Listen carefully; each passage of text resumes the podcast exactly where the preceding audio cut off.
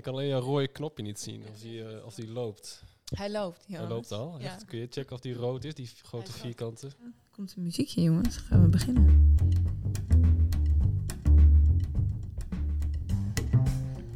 Welkom bij de podcast over leefgemeenschappen. Ehm, wij realiseerden ons nadat we een aantal keer eh, eh, afleveringen hadden gemaakt, dat we nog helemaal niet eigenlijk eh, nou, hebben verteld aan onze luisteraars wat een leefgemeenschap nou eigenlijk is. Eh, dus ja, wie, wat voor mensen wonen daar? Wat, wat betekent het? Wat is wel en wat is geen ge- leefgemeenschap? En hoeveel leefgemeenschappen zijn er in Nederland? Eh, die vragen en nog veel meer beantwoorden we in deze stoomcursus Leefgemeenschappen. En dat is voor de luisteraars die in een leefgemeenschap wonen en er van alles van af weten ook handig. Want als je mensen tegenkomt, zoals familieleden op verjaardagen, die vragen: Wat is dat nou voor gekke plek waar je woont en waarom doe je dat? Nou, dan zeg je gewoon: Hier is een aflevering, ik stuur hem naar je op. En dan kun je daarna gewoon hebben over eh, andere dingen. Bij ons aan tafel zit Anna van Velen, die onderzoek deed naar intentionele leefgemeenschappen in Nederland.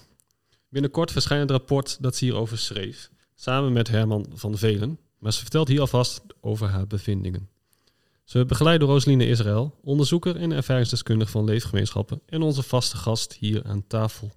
Het onderzoek dat jullie, waar, waar Anna dus eh, aan heeft gewerkt en waar ze jullie over kan vertellen, is eh, uitgevoerd in opdracht van de Vereniging voor Religieuze Leefgemeenschappen. En eh, deze aflevering en ook het aantal komende afleveringen maken we in samenwerking met deze vereniging. Dus nou ja, dat is ook nog een nieuwtje eigenlijk. Naast Anna en Roseline hoor je mij, Johannes van der Akker, bewoner van het Kleiklooster in Amsterdam Zuidoost. En mij, Suzanne Dodeman, bewoner van een rijtjeshuis in Amsterdam-Noord. Eh, nou, Roseline, moet je, we moeten jouw stemgeluid ook even horen. Hey, Hey, hallo. Goed je te zien. Ja. We zijn trouwens allemaal een klein beetje verkouden, geloof ik. Dus dat, eh, dat zullen jullie ook horen. We nemen allemaal keurig slokjes water tussendoor om ons stemgeluid te verbeteren. Ehm, Anna, Ja. Jij bent eh, eh, naast onderzoeker van leefgemeenschappen, woon je in een leefgemeenschap, maar dat is niet je eerste, toch? Nee, klopt. Ik heb eigenlijk wel in totaal, eh, kwam ik erachter, al in vijf leefgemeenschappen gewoond. In drie verschillende landen. Dus Indrukwekkend. Ja. precies.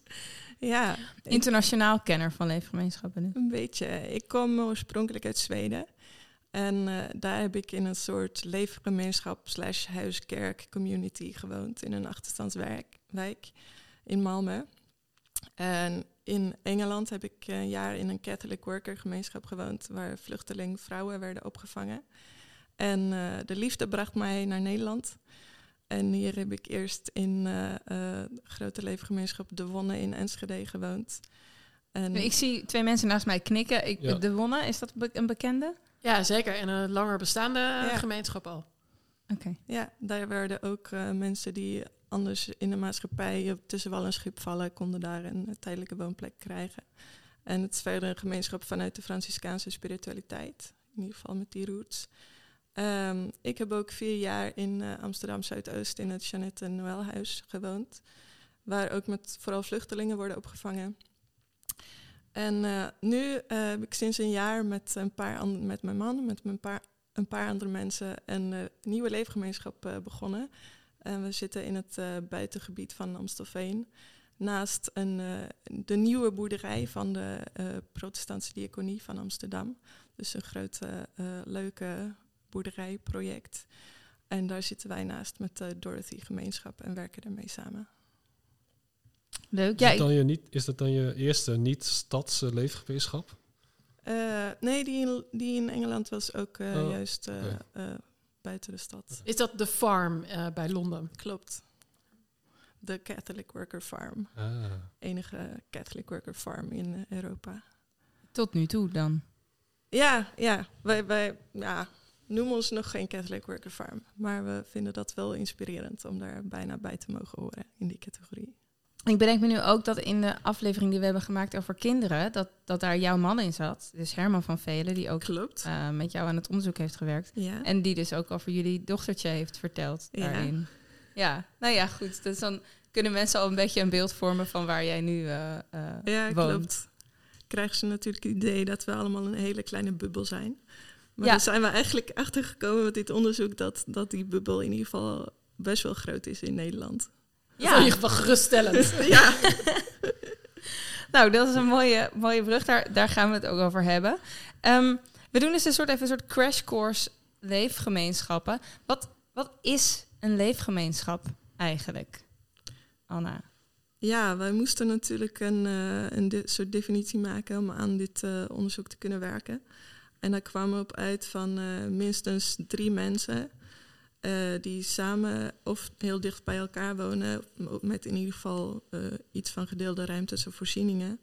En die daar allemaal uit eigen keuze wonen en die een gedeelde doelstelling hebben die het samenwonen zeg maar overstijgt. Dus niet alleen maar gezellig hebben met elkaar omdat dat praktisch of gezellig is, maar dat je samen iets meer wil bereiken.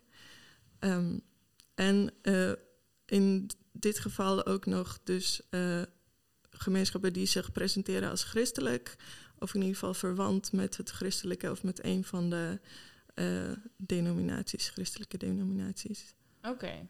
En is dat Ga maar. Ja, is, is dat dan ook wat, wat intentioneel betekent? Nee, het intentioneel dat gaat over dat, uh, die gedeelde doelstelling. Die dus verder gaat dan het wonen uh, alleen. Dan ja. het samenwonen. Ja, ja oké. Okay. Dus, dus, dat het niet alleen voor jezelf is of voor het clubje met wie je toevallig ja. woont.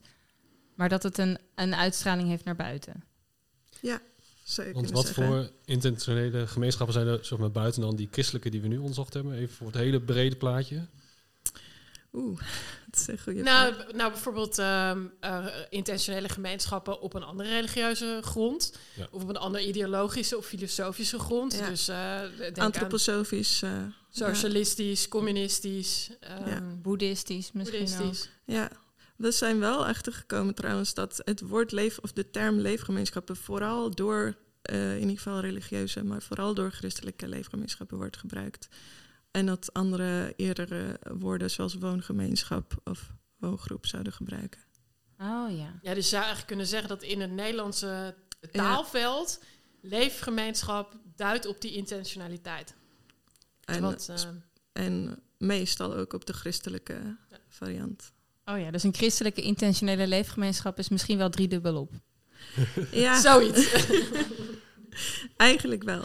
Ja, het is maar, een, oh, ja dat is wel de, de meest uh, duidelijke uh, omschrijving van wat we nu onderzocht hebben. Als je al die drie woorden gebruikt. En in die zin is het wel qua spraakverwarring wel interessant dat dat eigenlijk ook vooral een Nederlandse aangelegenheid is. Dat we, dat we in onze taal allemaal verschillende woorden hebben om aan te duiden dat mensen op een of andere manier samenleven en iets gedeeld hebben. Um, terwijl, um, nou, als je kijkt naar literatuur, Engelstalige literatuur, dan wordt intentional community inderdaad echt gebruikt voor de leefgemeenschappen in bredere zin waar wij het over hebben. Oh ja. Dus ja, er zijn allerlei, uh, uh, ook allerlei andere redenen waarom mensen bij elkaar kunnen, kunnen gaan wonen. En dan in de christelijke hoek denken mensen waarschijnlijk snel aan een klooster. Valt ja. dat dan onder, is dat eigenlijk ook een leefgemeenschap? Ja, ik zou zeker zeggen dat kloosters uh, ook leefgemeenschappen zijn, absoluut. We hebben alleen nu in dit onderzoek gekozen om ze niet mee te nemen, omdat we vonden ze, dat zij eigenlijk al wel uh, goed in kaart zijn gebracht in Nederland. En dat we vooral nieuwsgierig waren naar wat, wat, er, wat er speelt in die nieuwere vormen van leefgemeenschappen. Wonen er eigenlijk meer mensen in een leefgemeenschap dan in een klooster? Um, ik had laatst weer opgezocht en er zijn uh, nog 170 of 180 uh, uh, ordes en congregaties actief in Nederland. En die hebben meestal meerdere vestigingen. Dus nee, er zijn sowieso toch nog steeds wel meer kloosterlingen, ja, ouderwetse kloosterlingen uit ordes en congregaties dan in de nieuwe leefgemeenschappen. Want hoeveel leefgemeenschappen zijn er? Ja, we hebben dus 75 leefgemeenschappen gevonden die echt aan al onze criteria voldeden. Um, en uh, daarvan hebben we echt uh, verreweg de meeste ook te pakken gekregen en kunnen spreken. En dus een volledige interview meegedaan. En dat waren er 63 die we hebben geïnterviewd. En, en uh, over hoeveel mensen hebben we het dan? Um, ja, er wonen meer dan duizend uh, mensen in totaal, toch nog, in wow. die uh, 75 uh, leefgemeenschappen. Oh, dus sommige zijn heel groot dan? Ja, er zijn een paar heel groot. Het varieert dus tussen drie en, en 70 mensen. En er zijn ja, wel enkele uitschieters dan naar boven. Maar er zijn Ja. echt een paar die zo groot zijn met eh, rond de 60, 70 leden. Maar meer normaal, ja, het gemiddelde is eh 18 mensen. Ehm, ja, normaal is dus ergens tussen de 10 en de 15, maar daar zitten dan ook vaak kinderen bij. Ja, die tel je mee in dat die aantal. tel ik mee en ook eh, soms tijdelijke gasten, Ja. tijdelijke bewoners. Ja, dus zoals, want bij jullie, Johannes, bij het Kleiklooster. Daar, nou ja, daar wonen we met ehm, zeven volwassenen en acht kinderen volgens mij. Oh ja, nou, dat is helemaal jouw 15. Ja, eh, en dan nog een paar gasten Ja. die onderdak krijgen. Ja. Ja, ja, dat eh, klinkt inderdaad als een Een gemiddelde leefgemeenschap. Nou ja, maar als je de gasten dus meerekent, dan schieten jullie naar de 20, zeg maar, uit. Ja, ja, daar gaan we er voorbij. Dan zijn er nu drie moeders en vijf kinderen of zo. Ja. Nog Ja. extra erbij. 23, ja. Ja. Ja, zelfs boven het gemiddelde dan. een bovengemiddelde leefgemeenschap. nou, toch leuk. Op aantal alleen. Ja. En ik las in, de, in het rapport ook ehm, eh, dat er in het voorjaar van dit jaar nog 23 in oprichting waren, of zijn. Klopt. Dat is best heel veel op een aantal van zeg maar 75 die er bestaan. ja. Is, dat, dat, is, dat, ja, is dat een groeiende, groeiende beweging? Nou, we zien in ieder geval sinds de, de- in de laatste tien jaar zijn er heel veel opgericht. Daar komen we misschien straks op terug. Eh, dat de meeste leefgemeenschappen die we nu vinden, nu, nu nog redelijk jong zijn. Ehm, eh, ik vind het te vroeg om te zeggen dat het echt een groeiende beweging is. Ehm, maar ja, nu hebben we het in ieder geval één keer goed eh, eh, gemeten. Dus dan kunnen we dat misschien over vijf of tien jaar ook weer herhalen. En dan kun je daar echt iets over zeggen. Maar er is wel veel aandacht voor in ieder geval. En, maar al die groepen in oprichting, ik weet uit eigen ervaring, waren we vijf jaar eigenlijk bezig om de Dorothy-gemeenschap op te richten voordat het zover was. Rosaline zit in een groep eh, in oprichting.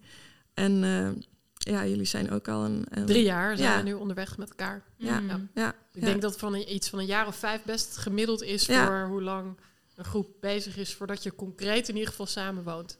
ja, Ja. Ja. ja, dus voordat je echt intrekt eh, in het gebouw. ja, klopt. Ja, en soms dat heeft het ermee te maken dat, eh, dat, het, dat er nieuwbouw bijvoorbeeld gepleegd wordt. Dus ja, dan zit je gewoon vast aan allerlei procedures en dingen die moeten gebeuren. Ja, Best veel groepen kost het behoorlijk wat moeite om eh, aan, de, aan de financiën überhaupt te komen en een geschikte plek te vinden. Dus dat zijn natuurlijk allemaal factoren die eh, meespelen. Wat dan ook best wel weer een uitdaging is om dat Ja. maar eens vol te houden met elkaar een paar jaar, zonder dat het heel erg concreet wordt wat je ja, doet. Klopt. Nee, dus dat is ook zo dat we weten dat sommige van die groepen in oprichting eh, eh, worden uiteindelijk niks. Mm. Want het lukt niet om een geschikt gebouw te vinden, bijvoorbeeld, of we financieren. En uiteindelijk geven mensen het op. Eh, dat is jammer. Vinden ze dan makkelijke ruimte in de stad, zeg maar, of, of op het platteland? Of is dat, en is het sowieso in die zin zeg maar, een meer stadse beweging, of is dat helemaal niet? Nou, er zijn ook eh, eh, leefgemeenschappen op het platteland. Eh, wel veel meer in de grote steden.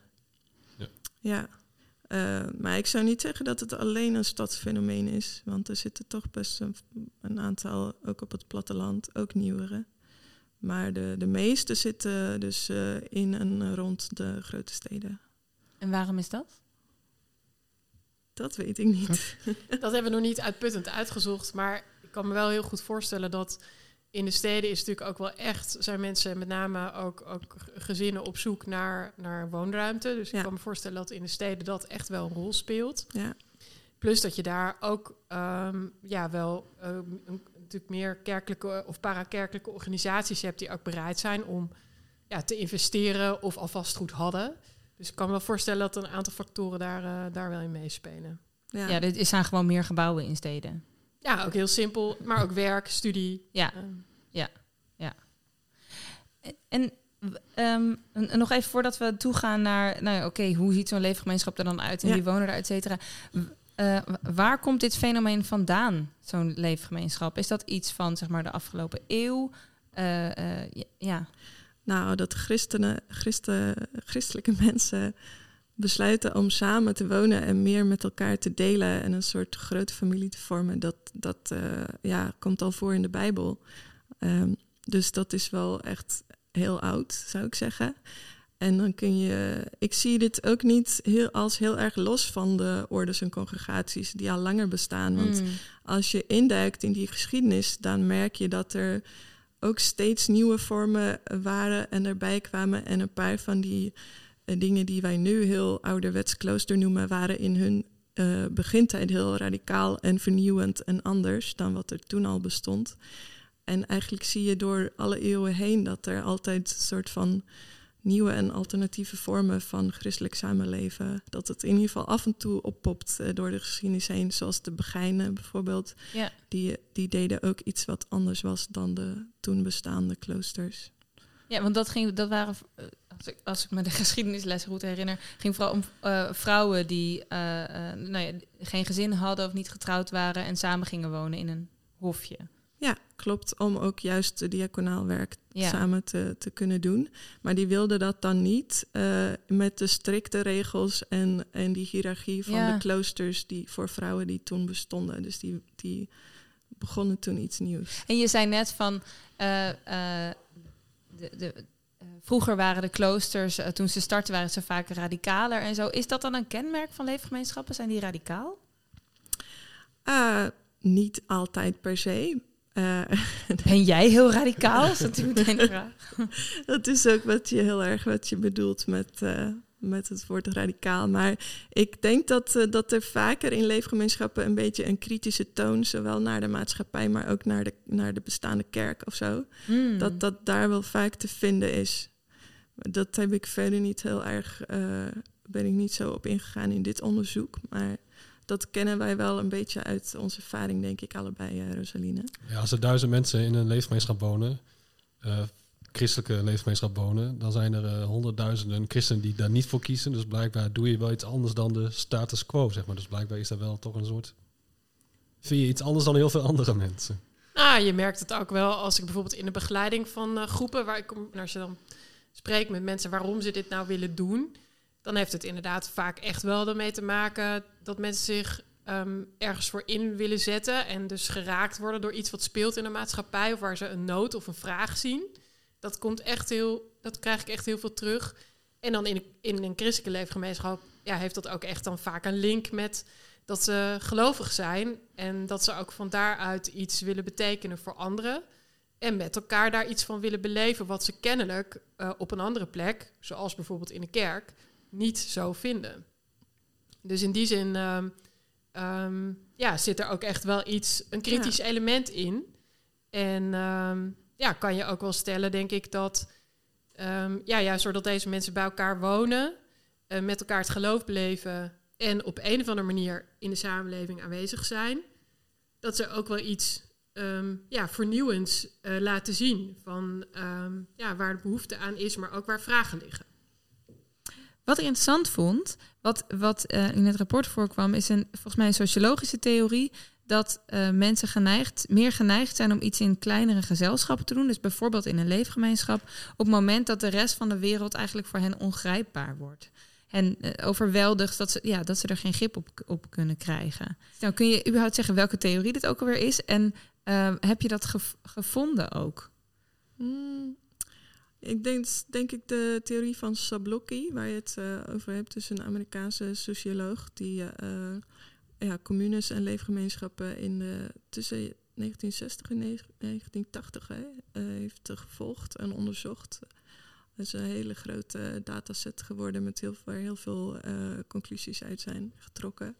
Ehm, ja, dus zijn theorie is echt dat op het moment dat er heel veel en heel snel dingen veranderen in de maatschappij, eh, dan gaan mensen naar dit soort vormen kijken van samenleven. Omdat eh, ja, er wordt dus een generatie volwassen en de, de traditionele soort van eh, rollen of oplossingen of zo, eh, die hun ouders hadden, die, Mhm. die zijn er niet meer of zijn totaal niet meer van toepassing of zo voor die nieuwe generatie. Dus dan gaan ze echt naar hele andere dingen kijken. En ook juist omdat in groepsverband, om, om andere mensen te zoeken, om het een beetje ja, behapbaar te maken of zo. Ja. En, en heb je het idee dat dat nu aan de hand is? Ehm, nou, ik denk dat de laatste honderd jaar sowieso de samenleving continu snel verandert. Ehm, maar uh, ik zie wel dat met, met de kerk en de, soort van plek van religie überhaupt in de samenleving, de plek van de kerk, de rol van de kerk, dat daar heel snel iets verandert. Dus voor, voor mijn generatie en nog jongeren, wij ja, worden zijn volwassen, maar en je bent misschien een christelijk opgevoed. Maar die, dat traditionele, inderdaad, met de strikte regels en op zondag naar de kerk gaan en dat dat alles is, uh, ja, dat klopt voor ons niet meer, zeg maar. We willen iets aan de klimaatverandering doen en aan de noden in, uh, onder de arme mensen of aan de uh, ongelijkheid. in ja, dus het is misschien vooral de, de kerk die niet meer toereikend is en de rollen die je daar kunt vervullen. Dat, dat zou een beetje mijn gok zijn naar wat er nu aan de hand is. Ja, ja ik vind dat heel herkenbaar. en ook als je kijkt dat die generatie die wij nu, waarvan je nu ziet dat ze in het onderzoek dat ze vooral die leefgemeenschappen bevolken. Ja, die 25 tot 45. Die schittert natuurlijk van afwezigheid uh, binnen de kerken. Ja. Dus dat, dat, is, dat is een heel duidelijke volgens mij. Ja, ja, dus de, de kerken zitten, uh, die, die kijken likkerbaardend naar leefgemeenschappen van, oh, zij kunnen wel die groep mensen aan zich binden. En hoe, weet je wel? Echt, dit is een enorme verbindenis. Ja, sterker nog, sterker nog, ik denk dat kerken, die zien dit natuurlijk ook gebeuren. En nu zo meteen met het rapport in de hand nog duidelijker. Ehm, die gaan ook wel, uh, zijn ook wel echt aan het nadenken of ze niet meer moeten op het terrein van het faciliteren van dit soort groepen. Mm. Ehm, zeker als we spreken over de, de, de stedelijke context, waar het gewoon voor deze leeftijdsgroep steeds uh, minder makkelijk mogelijk is om, uh, om daar een huis te kopen, gewoon heel mm. plat, of te huren. nou ja, dat, dat, dat, die kerken natuurlijk uh, ook wel uh, dit bij elkaar optillen en denken, ja, als we nou vermogen hebben of panden hebben en we zien dat dit aanspreekt voor die nieuwe generatie, we zijn zelf ook na aan denken over hoe het verder moet met de kerk. hey, deze dingen kunnen wel eens bij elkaar komen. En dat is denk ik ook wel een mooie extra call to action misschien vanuit dit uh, rapport. Dat kerken nu iets meer inzicht ook krijgen naar aanleiding van dit onderzoek over hoeveel groepen zijn dit, wat speelt zich af, welke wat, wat brengt het mensen en wat, wat daagt uit. Ehm, dat ze daar ook wel echt iets mee kunnen in hun beleid. Ja. ja, en dan moeten ze natuurlijk eerst even de aflevering over eigenaarschap luisteren van de podcast over leefgemeenschappen. Want dan krijg je wat handvaten wat je als eigenaar uh, kunt uh, verwachten en ook wat niet. Ik ben wel benieuwd of je een uh, profiel kunt schetsen voor ons, Anna. Dus Omschrijf voor ons de gemiddelde leefgemeenschapsbewoner. Hoe ziet hij eruit? De bewoner zelf. Um, ja, um, ik denk dat, uh, nou, we weten in ieder geval de grootste leeftijdscategorie die we gevonden hebben was tussen 25 en 45. Oké. En uh, ja, dus vaak dertigers eigenlijk. en daaromheen. Uh, best wel vaak ook met kinderen. Dus ik, dit is een beetje een gok, maar ik denk wel dat, dat de gemiddelde leefgemeenschapsbewoner wel uh, ja, in de dertig is en getrouwd en met, uh, met een kind of kinderen. Um, en, en woont in een stad. verder, ja, het zijn in het algemeen wel mensen die hun geloof echt heel serieus nemen, waar we het eigenlijk over hadden die, die daar echt iets mee willen. Dus en niet alleen op zondag, maar echt dat het hele leven willen. ja, het, het geloof en het uitleven van het geloof uh, met hun hele leven willen doen. En niet alleen maar op zondag. En is het dan zo dat die, dat die uh, zeg maar de 45-plussers, uh, dat die vertrekken? Dus dat die, uh, ja, dat die leeftijd niet voorkomt omdat die mensen gewoon dan uh, klaar mee zijn? Of is het omdat heel veel zeg maar, de laatste tien jaar eh, gestart zijn en dat gewoon in die zin nog een soort van de grote bulk een jonge, jonge beweging is. Eh, heb je daar een idee bij? Ik, ik, ik kan het niet zo met zekerheid zeggen, maar ik, ik denk wel een beetje dat laatste wat je zei. Ja, ik vind, ik vind dat wel herkenbaar. Um, tegelijkertijd kan je natuurlijk wel ook afvragen om als het een beweging van de laatste tien jaar is, waar zijn dan die die, diegenen die toen 30 waren en nu in de 40 uh, eh, richting de 50 gaan. En daar kan ik wel zelf iets, iets een, een verklaring, denk ik, voor zo'n beetje voor de vuist weg uh, bedenken. Is dat je wel, als je dus 40er bent en over het algemeen, als je kinderen hebt, wat grotere kinderen hebt, dat uh, dan in een leefgemeenschap gaan wonen een behoorlijk grote stap is. Ehm, je neemt dan ja, kinderen echt mee naar een andere manier van leven. Ehm, ja, en de meeste ouders realiseren zich natuurlijk wel dat dat behoorlijk impactvol is voor kinderen. Daar hebben we het ook eerder met elkaar hier ook wel over gehad aan tafel. Dus ik denk dat dat echt ook wel meespeelt. En dat je ook wel echt ziet dat de overgang naar een leefgemeenschap natuurlijk ook gewoon heel makkelijk wordt gemaakt op het moment dat je leven nog voor een groot deel open ligt.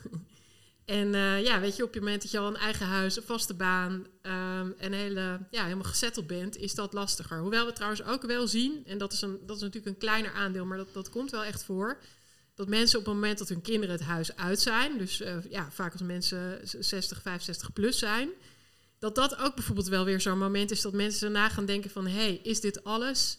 Um, zeker als ze een beetje um, nou ja, activistischer, avontuurlijker in het leven staan dat dat soms ook een moment is om, uh, om, de, om toch uh, te kiezen voor zo'n manier uh, van leven. Wat ik dan zelf alweer heel leuk vind, omdat dan een hele andere generatie zo'n groep binnenwandelt. De leefgemeenschap ja. als midlife crisis. Ja, of na de midlife ja. crisis. Ja. Hè, daarna. Als oplossing voor de midlife crisis. Daarna, ja. Als bestrijder van het lege nest-syndroom. ja. ja, zeker. En, en, en dat is echt wel... Het, bedoel, het gaat niet altijd vanzelf en het gaat niet altijd goed. Want, want je hebt ja, je hebt elke levensfase, ook in een leefgemeenschap, brengt nou eenmaal bepaalde uh, dynamiek met zich mee waar je iets mee uit te stellen hebt. Um, maar het is ook wel super leuk. Ik weet niet hoe dat voor de dochter van Anna is, maar onze kinderen hebben bijvoorbeeld van metafaan ook samengeleefd met 60ers, 70ers, 80ers zelfs. Wie heeft dat nou midden in de stad? Dat je een soort surrogaat opa of oma er spontaan eigenlijk altijd is en eigenlijk elke middag in een gemeenschappelijke ruimte met een kopje thee zit. Ik bedoel, het is natuurlijk ook ongelooflijk bijzonder eigenlijk. Dus ik vind het wel leuk zelf dat dat gebeurt. Ja. Maar zijn er veel gemeenschappen die dus die, die, die breedte van, van leeftijden hebben? Of tussen, ja, zijn er een aantal van? Uh, ja, dat, die zijn er zeker. Maar we zien ook juist vaak wel dat het een beetje helaas bij één generatie uh, blijft. Of in ieder geval dat daar de, de zwaartepunt echt wel ligt. Dan misschien een of andere uitzondering. Maar, maar dat, dat, uh, daar komen we ook misschien straks op terug. Maar dat is ook wel een van, uh, van uitdagingen waar ik, wat ik een beetje zo tussendoor heb kunnen waarnemen van generatiewissel of heel erg eh, spreiding in leeftijd. Dat is wel een, een, een moeilijk punt voor veel leefgemeenschappen. Hmm. Helaas. Um, wat wat uh, doen leefgemeenschappen. Dus wat doen die mensen die daar wonen met elkaar? Ja, daar hebben we best wel veel vragen over gesteld in dit onderzoek. Um, en we zijn erachter gekomen dat uh, leefgemeenschappen best wel actief zijn. En inderdaad niet zoveel met elkaar en het fijn hebben met elkaar als groep bezig zijn. Ook wel een beetje natuurlijk. Maar uh, vooral heel erg uh, naar buiten en actief uh, bezig zijn. Dat ze iets willen betekenen.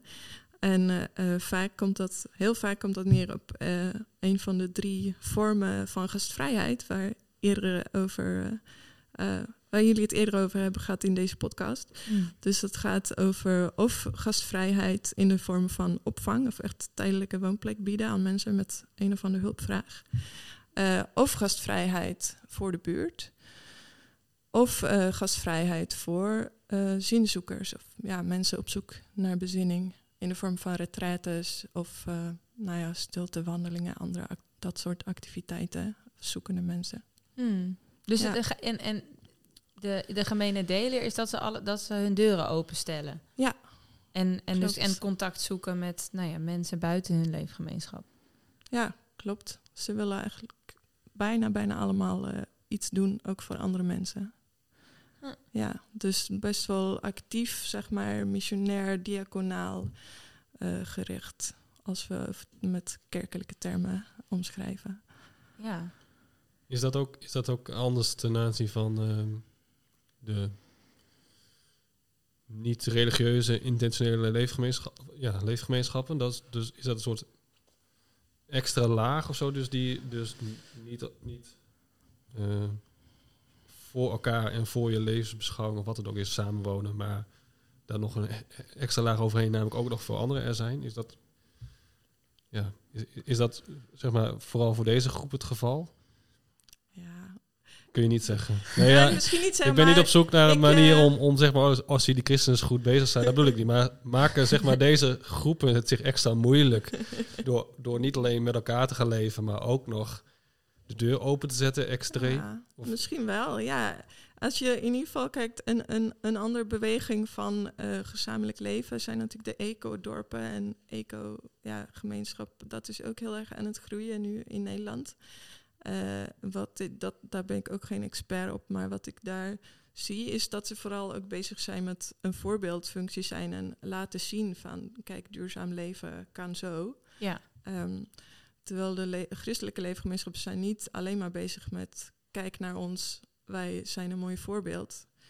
Ja, misschien ook een beetje, maar, maar juist, oh, ja, wa- wa- wat je zei van juist hun deuren openstellen en echt andere mensen helpen. Daar Ja. zijn ze in ieder geval meer dan de ecodorpen, denk ik, gemiddeld op gericht. Ja, en dus niet contemplatief. Dat is denk ik het. eh, Ja, dat, dat is volgens mij inderdaad heel, heel interessant ten aanzien van dat je bij kloosters heb je natuurlijk actieve. Ja, En hè, dus ook kloosters die gericht waren op maatschappelijk werk en opvang en dat soort dingen zo. En kloosters die ook contemplatief zijn. Eigenlijk zien we dat in de leefgemeenschappen veel minder. ja. Dat eigenlijk bijna alle groepen hebben wel een vorm van de deuren openzetten en anderen betrekken in het dagelijks leven. ja. Eh, dat is echt opvallend. Er zijn wel leefgemeenschappen die meer gericht zijn ook op het contemplatieve en gebedsleven. Maar dan is het vaak zo dat ze daar ook juist andere mensen van buiten daarbij uitnodigen. mm, en dus dan- die vorm van gastvrijheid Precies. beoefenen dan. Dat ze dat ook juist willen delen met anderen. Ik vond een interessant eh, onderscheid, wat ik eigenlijk wel vraag of je dat even wil uitleggen. Ehm, tussen, je, zei, je schreef volgens mij in, het, in je onderzoek ehm, dat, het, dat er een groot onderscheid is tussen, tussen orthodoxie en orthopraxis. Ja, ik ben dus zelf geen theoloog, maar Ja, toch mag je deze woorden gebruiken, ja, volgens mij. En nou, als ik het goed heb, dan is orthodoxie dat je bezig bent met wat is de goede leer en wat moet je denken, wat moet je geloven, wat moet je vinden. Eh, en dat hebben we dus gemerkt eh, dat leefgemeenschappen zich daar niet zoveel mee bezighouden. Mm. Maar juist met de orthopraxis, dus het doen. Het eh, ja, concreet maken van het geloof en concrete dingen doen. En dus heel vaak het diaconale, eh, die vormen van gastvrijheid bijvoorbeeld. Ja, dus meer met z'n allen het goede doen in plaats van het goede geloven. Ja, en in ieder geval niet zoveel over hebben. Wat moet je nou precies exact geloven? Eh, dat is eh, bijna geen thema bij leefgemeenschappen. Ze zijn ook vaak een, een beetje gemengd, juist qua geloofsachtergrond. Als we het in ieder geval hebben over verschillende richtingen binnen het christendom. Ja, ja. Ja. dat, vind ik, dat vond ik dus ook heel interessant. Eh, dat je denkt, en zeker denk ik van buitenaf, van oh, die mensen wonen bij elkaar en die zijn dan christelijk. Nou, weet je, die zijn, zullen dan allemaal exact hetzelfde geloven. Eh, maar dat leek eigenlijk niet eens een, een kwestie te zijn in, eh, in, in wat je schreef. Nee, klopt. En dat vond ik ook heel opvallend. Dat bijna alle leefgemeenschappen willen zich het liefst algemeen christelijk noemen. Of dat was in ieder geval de allergrootste categorie. Dus dat, dat ze zich echt willen definiëren als niet eens als protestants of katholiek, eh, maar juist heel graag ecumenisch of algemeen christelijk of interkerkelijk. Eh, nou, dat is, vind ik zelf heel mooi. Maar dat, dat lijkt ook eh, een beetje iets unieks zijn aan leefgemeenschappen. Dat ze zeggen, kijk, we komen bij elkaar, we zijn allemaal christen. Dat is genoeg en we kunnen samen mooie dingen doen. En samen bidden ook wel.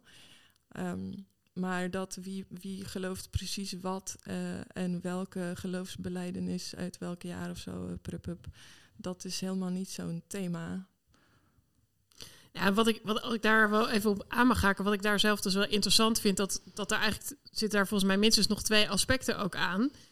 Dat je dus een groepen hebt waar mensen allemaal naar verschillende kerken gaat, gaan. Dus dat maakt eigenlijk dat, die, dat zo'n leefgemeenschap lijntjes heeft met, met verschillende christelijke gemeenschappen, kerken.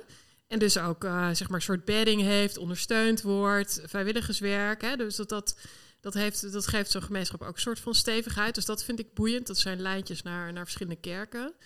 Ehm, aan de andere kant laat het ook iets zien misschien wel van de toekomst van geloven. Hè? Als we even van uitgaan dat, dat, dat deze beweging iets laat zien over wat er speelt in de maatschappij en in, in de kerk en in het christelijk leven in het algemeen, dan is het natuurlijk boeiend om te zien dat kennelijk van welke denominatie je van huis uit komt, of waar je in die zin bij thuis voelt of toerekent, dat dat voor een nieuwe generatie misschien wel veel minder relevant is.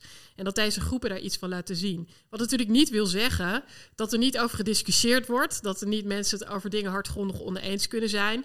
En dat het natuurlijk ook wel eens doorwerkt in de praktijk. Dus, dus ik denk dat we ook wel voorzichtig moeten zijn met alleen maar de loftrompet erover te steken. Want ik, ja, weet je, als je met elkaar nauw samenleeft, als je ook met elkaar probeert te bidden ehm, en, en aan spiritualiteit vorm probeert te geven, dan is dat natuurlijk best wel een zoekplaatje als je allemaal verschillende achtergronden hebt. Dus dat gebiedt eerlijkheid wel uh, om ook, uh, ook te zeggen.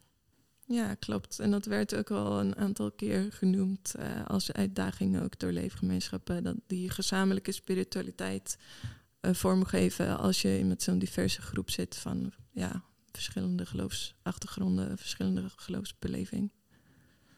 Ja, ik, ik, krijg natuurlijk af en toe van het kleiklooster dan dingen mee. En uh, uh, jullie wonen nu, die hebben laatst je zesde verjaardag uh, gevierd. Ja. Gefeliciteerd. We zijn er ook nu hè, in het klooster trouwens. Ja, oh, dat is wel leuk om te vertellen. Waar ja. zitten we dan? Ja, we zitten in het huis van Jefta, een van onze kloosterlingen. Ja, gewoon een van, jou, van, van jouw buren. Ja, precies. Die was was zocht gewoon een lege huiskamer en dat was deze.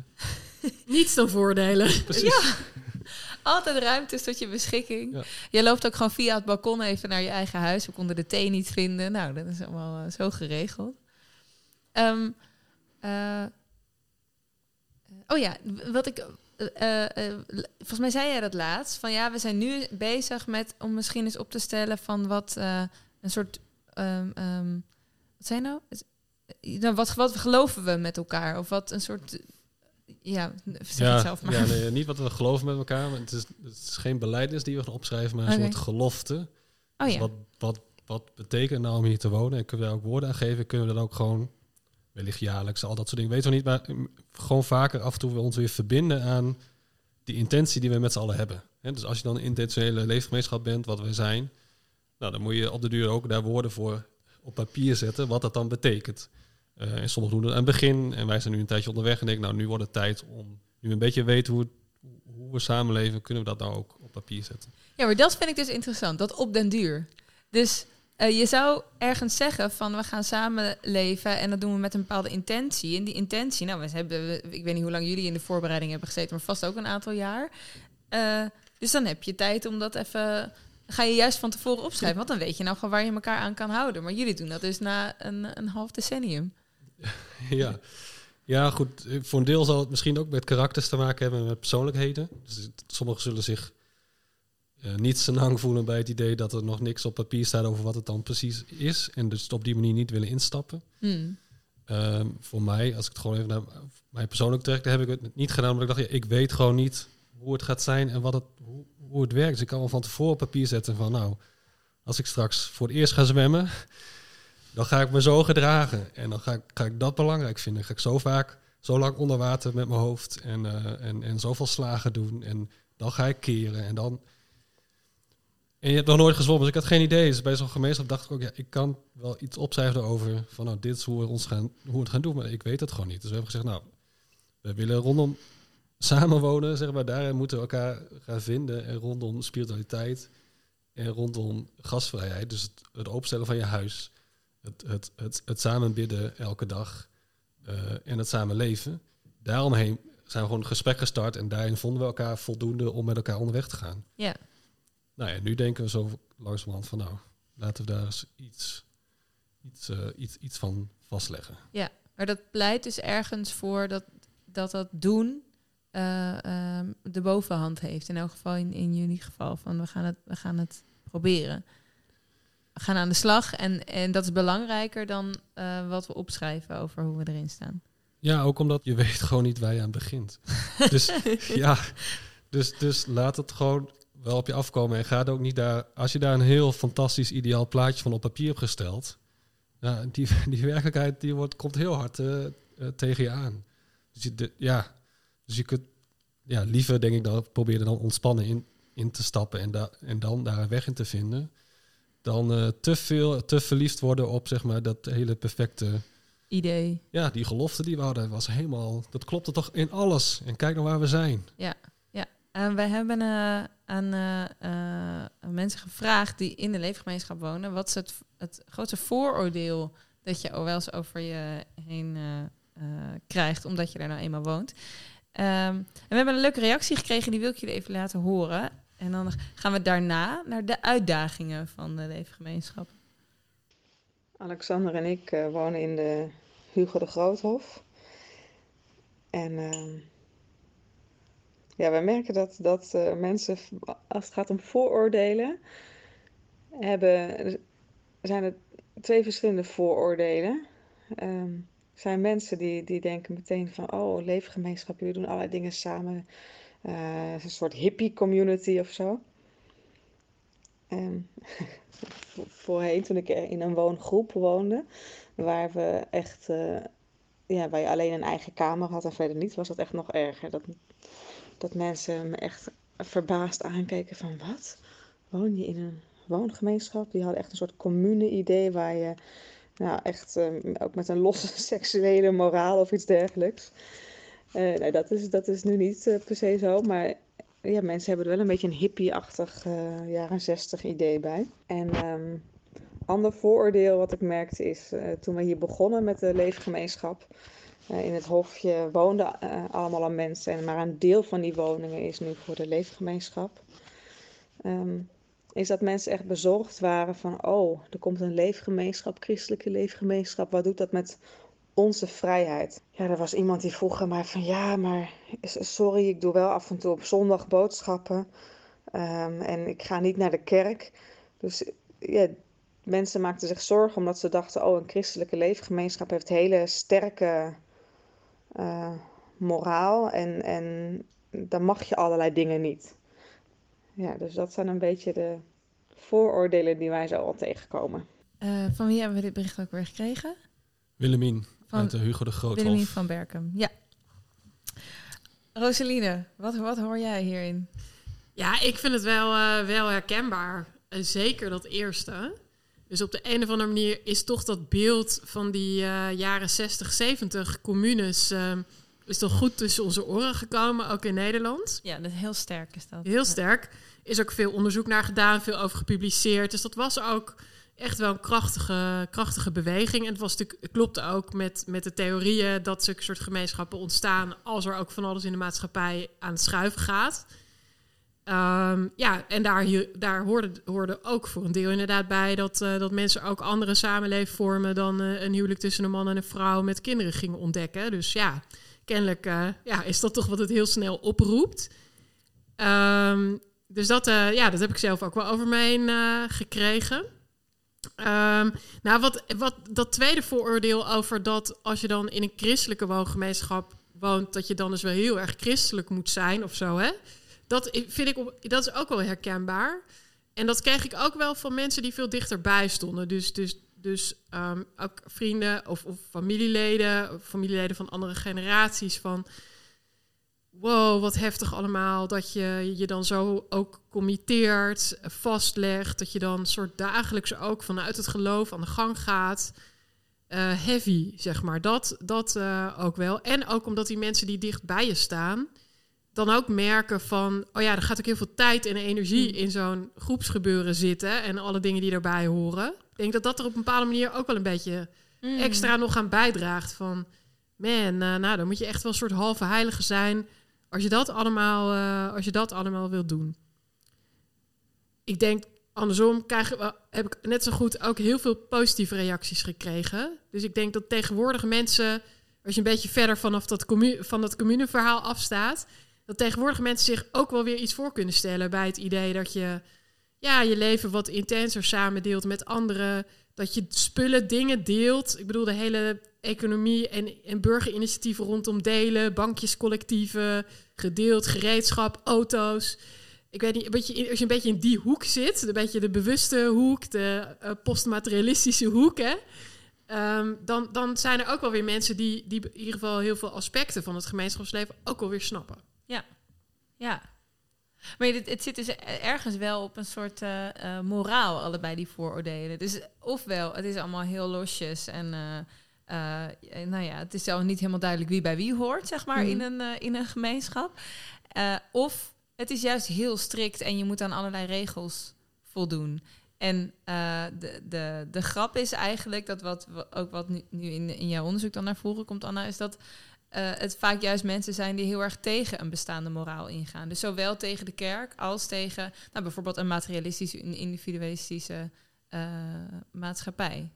Dat het ergens daartussenin uh, terechtkomt. Ja, ja, op die manier wel. Maar we hadden het ook over dat eigenlijk de, de christelijke leefgemeenschappen dus niet zozeer bezig zijn met wat moet je nou geloven. Precies. En, je moet zo en zo een goede christen zijn. Maar dus ik, ik herken dit ook persoonlijk als vooroordelen. En ik vind het ook juist echt vooroordelen en misverstanden. Want ik denk dat geen van de twee eh, eigenlijk kloppen. Nee, maar, wat dus wel klopt, is dat het heel veel tijd kost, of niet? Nou, dat, dat, daar zit ook veel verschil in. Daar hebben we best wel hele grote variatie en breedte in uh, ontdekt. Als ik kijk naar mijn eigen data. Ja.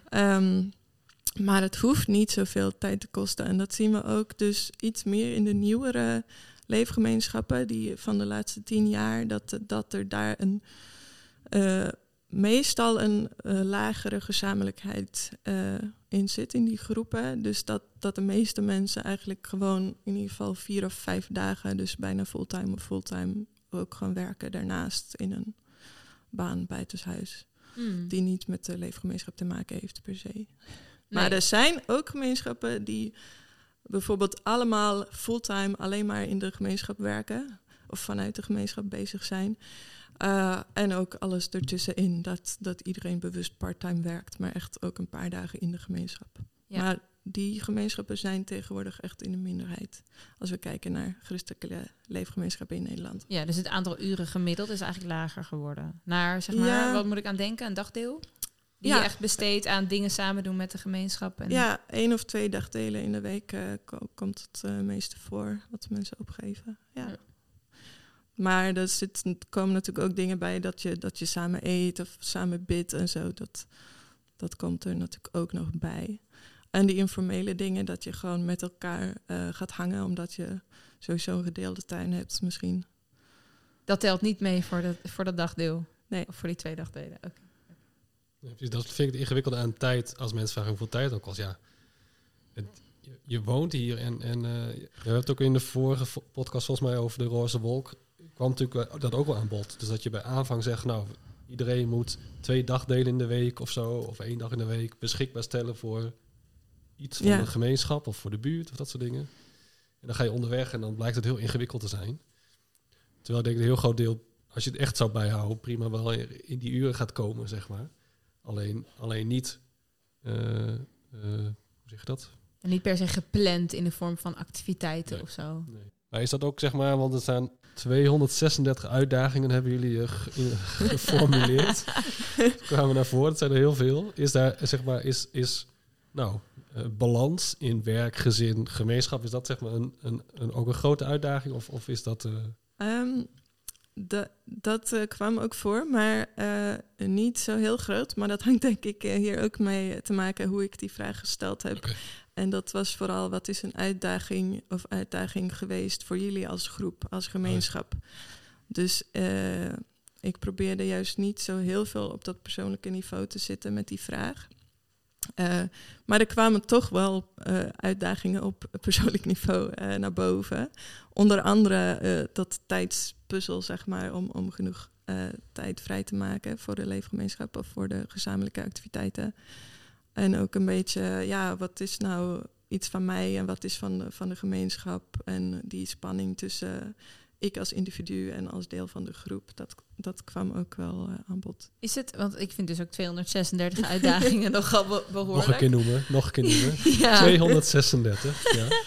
Nou ja, eh, gemiddeld dus ongeveer vier uitdagingen eh, per gemeenschap zijn er genoemd. Ja. Net iets minder En dan de vier. ene dus misschien ook is iets zwaarder dan de ander. Ja, zeker. Maar ik had dus ook wel vaak eh, meerdere mensen voor me in het interview. Dus Oh, dan ja. hebben ze misschien juist per persoon één of twee dingen gezegd, genoemd als uitdaging. Ja. Maar om juist dit echt te ontdekken, hebben we ook een beetje doorgevraagd. Dus als er maar één ding naar boven kwam, heb ik wel altijd gezegd van... Ja. Denk nog eens na, Dus van, is dat er is nog heel iets meer? ongeloofwaardig. Gemiddeld zijn er vier uitdagingen. Ja, dus, Kom op.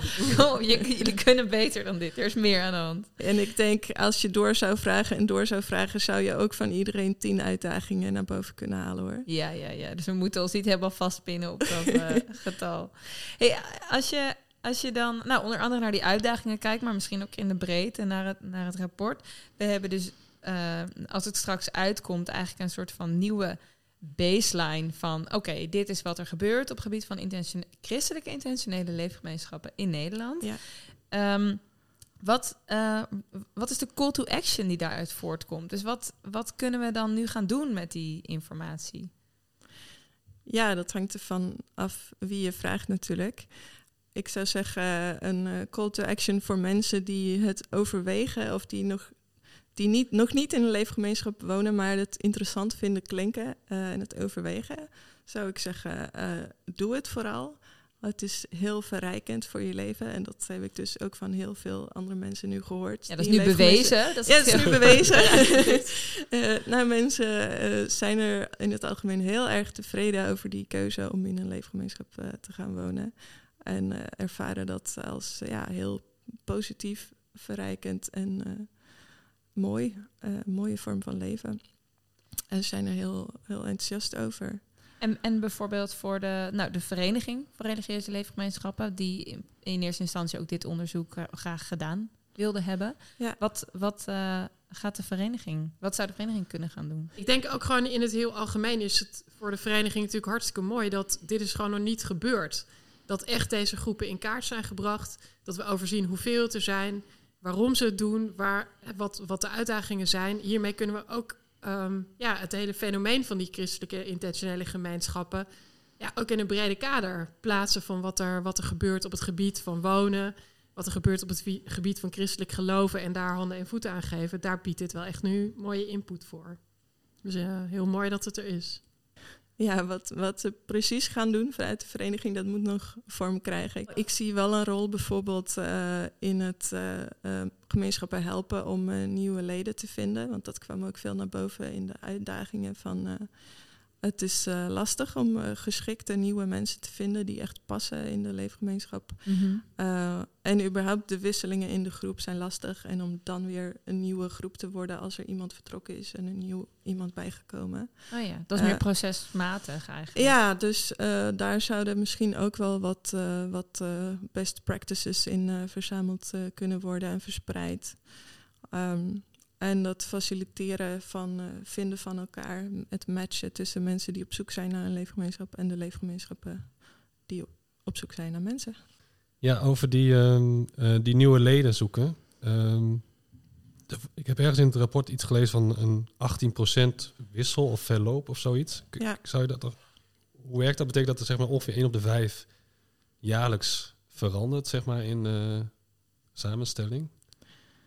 Of hoe moet ja, ja. daar komt het wel op neer dat, dat bij, dus bijna één op de vijf eh, ja, vertrekt of bijkomt. Dat er op, vijf bewoners eh, gemiddeld één wissel per jaar is. Ehm, want wij hebben gevraagd, ja, hoeveel zijn er bijgekomen in het afgelopen jaar en hoeveel zijn er vertrokken. Maar dat zijn er bijna drie. Dus bij 18 personen gemiddeld zijn er dus drie die jaarlijks zeg maar vertrekken en drie nieuwe in de plek komen. Dus je hebt in zes jaar tijd, want wij bestaan nu zes jaar, zou je dan, nou ja, ik kan even niet rekenen, maar het zijn best wel veel mensen die. eh, Klopt. dat lijkt me ook best wel in, in, in, ehm, ja, intensief voor een gemeenschap om heet uit nieuwe mensen ook in je op te nemen of zo. Ja, klopt. Ik denk dat dat percentage wordt iets omhoog getrokken door de eh, gemeenschappen die vooral uit echt jongeren of studenten bestaan. ja. In de studentengemeenschappen zit dat percentage echt nog hoger. Eh, dus daar komt een deel van. Maar het is ook wel echt een fenomeen dat, dat er toch best veel wisselingen zijn dat mensen helaas vertrekken. Soms is dat dan gewoon naar een andere leefgemeenschap die misschien wat beter past of zo. Of je wilde, je moest toch voor werk verhuizen of dat soort dingen. Nou, wat ik, wat ik in dat kader wel interessant vind, is dat we natuurlijk eerder in dit gesprek concludeerden dat uh, een, een, een behoorlijk aantal van de onderzochte leefgemeenschappen uh, een wat lichtere vorm van gemeenschappelijkheid hebben. Hè? Om Ja. het even zo uit te drukken. Dus niet helemaal netjes, maar, maar dat, dan begrijpen we een beetje wat we bedoelen. En als je dat afzet tegen eh, deze wisselingen, dan zou je natuurlijk wel ook voor kunnen stellen dat dat wel iets met elkaar te maken heeft. Dus op het moment dat, je, dat die intentie heel stevig wordt ingekaderd met een bepaald commitment. ehm, of door eh, een gelofte te doen, of aan de andere kant doordat je, je je huis hebt gekocht. Ik bedoel, dat commitment kan er natuurlijk heel verschillend uitzien. Of doordat mensen inkomsten uit de gemeenschap hebben. Dat je dan natuurlijk minder snel eh, je boeltje pakt. Terwijl op het moment dat eh, de mate van samenleven, samenwerken wat, wat, wat lichter wordt ingevuld, ehm, dat dat misschien ook wat meer verschuiving teweeg brengt. In ieder geval voor de plekken waar ik veel kom in de stedelijke context van Amsterdam, zie ik wel dat beeld bevestigd. En dan is het wel inderdaad echt waar wat, wat, wat jullie Anna en Johannes zeggen, dat dat best een behoorlijke uitdaging met zich meebrengt. Want toch moet je elke keer weer een nieuwe groep worden met elkaar. En eh, wil je heel graag mensen, dat mensen zich weer thuis gaan voelen. Dus dat niet alleen aan de kant van de werving en selectie, om het zo te Ja. zeggen, is het een Ja. uitdaging. Maar ook aan de kant van het groepsproces. En dat zie je natuurlijk ook wel terug in de uitdagingen die de gemeenschappen hebben genoemd. Weet je, ja, er komt gewoon er weer eentje bij. En die van, van hem of haar moet net zozeer de gemeenschap, de gemeenschap eigen worden. Dank jullie wel. Rosaline Israël en Anna van Velen voor jullie bijdrage aan deze aflevering. En voordat we alvast eh, nou ja, deze sneak preview mochten krijgen van het rapport. Het resultaat van Anna's onderzoek wordt binnenkort gepubliceerd. De resultaten worden gedeeld op de ontmoetingsdag van de Vereniging van Religieuze Leefgemeenschappen op 6 november 2021. Meer informatie en mogelijkheden om je aan te melden vind je op verenigingreligieuzeleefgemeenschappen.nl. En mocht je die URL nou super lang vinden, want dat is die ook, dan vind je hem ook in de show notes. Het is, eh, belooft geloof ik wel leuk te worden in Vught. Juist. Ja. Ja, Eh, en daar gaan jullie ook eh, resultaten presenteren. ja, daar gaan we dit verhaal nog een keer vertellen. met, eh, met de grafieken, statistieken erbij. En, eh, en natuurlijk een beetje leuk met vragen uit het publiek. Precies, daar kan je al je vragen stellen. Ja, absoluut. Tot nu toe maakten we deze podcast in samenwerking met de Protestantse Diaconie in Amsterdam. Daardoor waren we dus nogal hoofdstedelijk gericht, om het zo te zeggen. Nu we samenwerken met de vereniging, kunnen we leefgemeenschappen overal vandaan gaan spreken. Opnames maken we dan ook graag bij een leefgemeenschap op locatie. Wil je nou reageren of heb je een suggestie? Dat vinden we heel leuk. Mail dan even naar Suzanne, S-U-Z-A-N, firmahoedanwel.nl. Wij zijn Johannes van den Akker en Suzanne Dodeman van Hoe dan wel. En de muziek die je hoorde is van Blue Dot Sessions.